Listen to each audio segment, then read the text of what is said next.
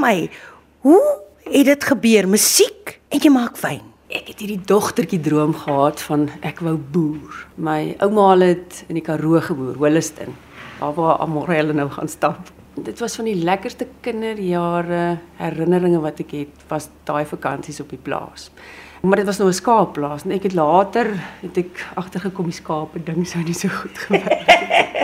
maar ons het in die Parel groot geword in die wynlande en toe dink ek maar miskien is dit iets om te probeer want ek kan gaan leer, iemand kan vir my leer hoe om wyn te maak. Dit is mos nou 'n vorm van boerdery. Ja, so ek is toe Elsenburg toe want ek wou graag daai praktiese ervaring gehad het. En toe ek nou daar is, toe was dit nou net 'n verskriklike fascinerende ding. En en ek dink die ek het nou baie al daaroor gewonder, as mense nou die verskillende tipe wynmaake vat wat jy kry, jy weet jy nou klein ouens wat 'n klein bietjie wyn maak. Hmm En dan jy hierdie massa wynmaak kellers ook. Ek kan net sy eie kuns en vaardigheid, jy leer verskillende goeters in verskillende plekke, maar wat wyn vir my besonder maak is die feit dat daai stok wat jy op hierdie spesifieke plek plant en wat in daai omstandighede groei, gaan vir jou 'n wyn maak wat relatief dieselfde gaan wees jaar na jaar en die stok wat jy op 'n ander plek plant, ander kultivar nou ook of hoe ook al,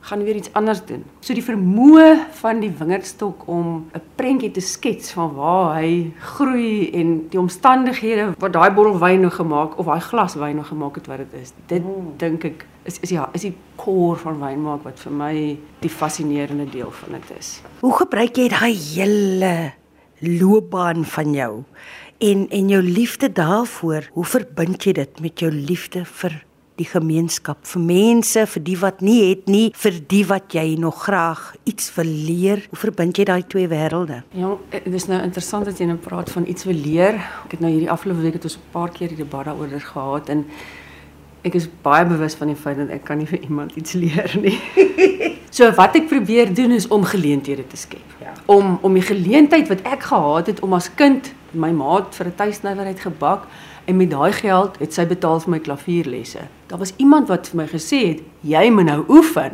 Toe ek die lus was om te oefen hè. Ja, so die musiek is 'n wonderlike manier om al daai daai dinge bymekaar te trek. Maar ja, ek het vir 'n paar jaar wyn gemaak en die gedagte was om 'n lisensiaat te doen. Ons so ek het toe nou privaat les geneem saam met die swaterys en my pa hierdie klavier op Elsenburg se verhoog opgedra. Regtig. Ek het daar agter op die gordyne het ek na klas en so net ek so klavier geoefen. Ek het nooit by die lisensiaat uitgekom maar ek het my graad 7 teorie geskryf waarvan ek vandag nou niks meer kan onthou nie. maar ehm um, dit ek rond uh, gepars en paar lande gepars en dit was wonderlik en opwindend geweest. Maar met pars leef jy saam met die mense daar. Jy werk saam met hulle. Ja. Dis 'n kort periode, maar omdat die hele wêreld wyn maak, kan jy amper in elke land vandag kan jy gaan pars. Ja, daai saam met daai mense leef en by hulle leer en saam met hulle kuier en so aan is fascinerend geweest. So dit was 'n wonderlike manier om die wêreld te verken en dit was vir my verskriklik opwindend geweest. Toe ek teruggekom en toe het ek gewerk. Ek het toe nou permanent begin werk, maar toe begin ek die musiek nou al hoe meer mis. En op daai stadium was ek toe in die Parel gewees. Ek raakte by 'n straatkinderprojek betrokke. Ag, ek het net gegaan om vir hulle te help sing. In die aand toe ons nou daar staan, toe staan daar's nou so 'n paar jong manne. En ons sing toe nou net so eenvoudige jong, dit was nog 'n stukkie FHK, maar ons het toe nou kanon. En die een jong man het so langs die kant gestaan en hy die besigheid so bekyk. Maar hy het 'n fantastiese stem gehad. Dit was absoluut spontaan. Toe staan hy by die res van die ander klomp. En dit was vir my behalwe dat ek verstom was oor die kwaliteit van sy stem was dit net 'n 'n 'n visuele bewys van die die absolute krag van musiek op so 'n eenvoudige manier. En en terwyl ek dit doen, toe dink ek ook, maar miskien is dit 'n manier waar ek die wyn bymekaar kan bring. Die ding met wyn, dit gaan oor die stories. Elke wyn het sy eie storie en dis hoe Cecilia toe nou ontstaan het. Wie is Cecilia? Was Cecilia? Cecilia was my ouma. O! Ja ja ja, sy was Hendrina Cecilia Ek is ook toe nou Hendrina Cecilia gedoop en toe het my maale die se van Cecilia en die Rina van Hendrina bymekaar gesit om Serena te kry. O, okay. Ja. Sint Cecilia. Toevallig of nie toevallig is die beskermengel van musiek. Dit werk toe nou mooi uit. En die dinge begin toe nou bymekaar kom en ons het toe 'n konsert gehou daar met die vrystelling van die eerste Cecilia. Die eienaar op daai stadium was 'n Duitser. Hy het 'n goeie vriend gehad wat hy was van die board of directors van um, Street Smart South Africa. En op daai stadium het hulle drie entiteite in die Kaap gehad, 'n huis vir meisies en 'n huis vir seuns en dan was daar 'n plek wat vir hulle gehelp het om vaardighede aan te leer. Die inkomste wat nou uit daai wyn gegenereer word, skenk ons te vir Street Smart en ons loods toe nou die eerste oesjaar of eerste Cecilia toe nou met 'n klavierkonsert. Ek was nog nooit so bang in my hele lewe nie. Regtig? Ja. Kan jy onthou wat jy gespeel het? Ja, ja, ja, ja. dit was um, dis Mozart se klavierkonsert. Um.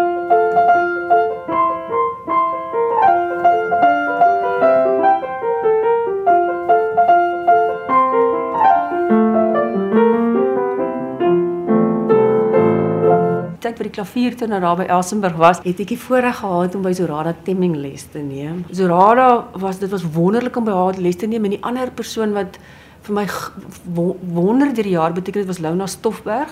Sy het nou laas jaar het sy vir ons kom ons gemeenskapsassistent kom beoordeel. Dit met soveel sorg en liefde het sy vir hulle raad gegee en alles en en ek het net gedink ek is so bevoorreg om hierdie wonderlike mense op my musiek en wynpad te kon gehad het. Waar loop die pad nou vir jou met Cecilia? Wat is jou drome? En kom dan nog 'n konsert? Ja, ek het nou 'n Nederlandse invoerder wat my nou so 'n bietjie in 'n in 'n blik getrek. Ons het nou net Desember hier ingetrek, so hy bring 'n groep Nederlanders die 30de September. Hier onder in die tuin is 'n pragtige area. En ek sien nou op hierdie stadium 'n tuinkonsert laat ons dit daar doen en ek het baie goeie ondersteuning van die Universiteit van Stellenbosch met ons musiekprojek gehad die afgelope paar jaar. En die eerste persoon was destyds op Suidelberg um, Pamela Kirwan. Sy doen die koperblasers op uh, by die universiteit. En sy doen die blaasorkes ook. Toe het die Drakensberg munisipaliteit saam met die Universiteit van Stellenbosch 'n konsert gereël en dis toe by ons op die plaas En toe het sy met haar hele orkes het hulle gekom en daar so 'n plaaskooltjie op Fairview wat nou wat Fairview en ehm um, Suidelberg se kinders gediens het. Hulle het die middag, dit was my so opwindend, hulle het nou in die keller ingekom en hulle het al hulle instrumente so uitgepak en ek het net gedink, dit word my droom nou waar hier is die orkes nou in die keller. As 'n kind blootstelling aan dit kan kry, mm. wie weet waar die talent op die ouend is. So jy het baie drome nog vir soveel kinders in hierdie projek met net van krag tot krag gaan kyk ons het nou van Citrusdal af ge, getrek. Ek het altyd net sulke klein projekkies gedoen terwyl ek nou voltyds gewerk het want dit was nou al waarvoor ek uh, kapasiteit gehad het nou maar.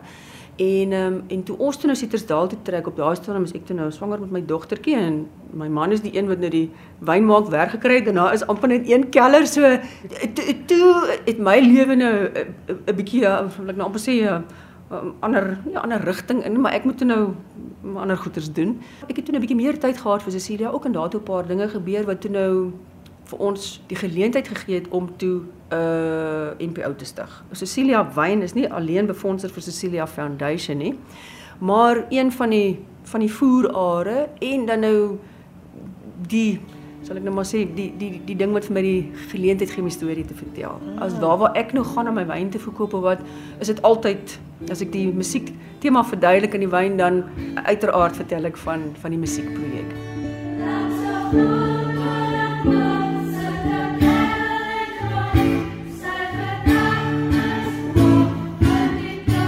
Om om musiek te kan luister in jou of ek wil amper sê 'n iets te hê wat resoneer met hierdie gevoel in jou wat jy op die einde dalk baie keer laat beter voel ook.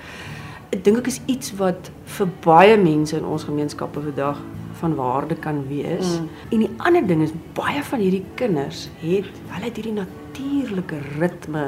Jy hoef nie eers baie te doen nie. Jy moet mm. net amper 'n geleentheid gee vir hulle om hierdie ritme te in iets te laat uiting gee. En en dan gebeur baie van die goed van self. So ons het die blokfluitgroepe en dan het ons by al die skole het ons probeer om kore te begin. Ek dink daar's baie mense vandag in ons samelewing wat weet wat die waarde van 'n koor is, maar dit maak my hart baie bly. Wat ek in sy eenvoudigste vorm met die musiek wou regkry was om vir soveel as moontlik kinders aan soveel as moontlik van die positiewe gevolge van musiek kan blootstel. So eenvoudig soos wat dit is.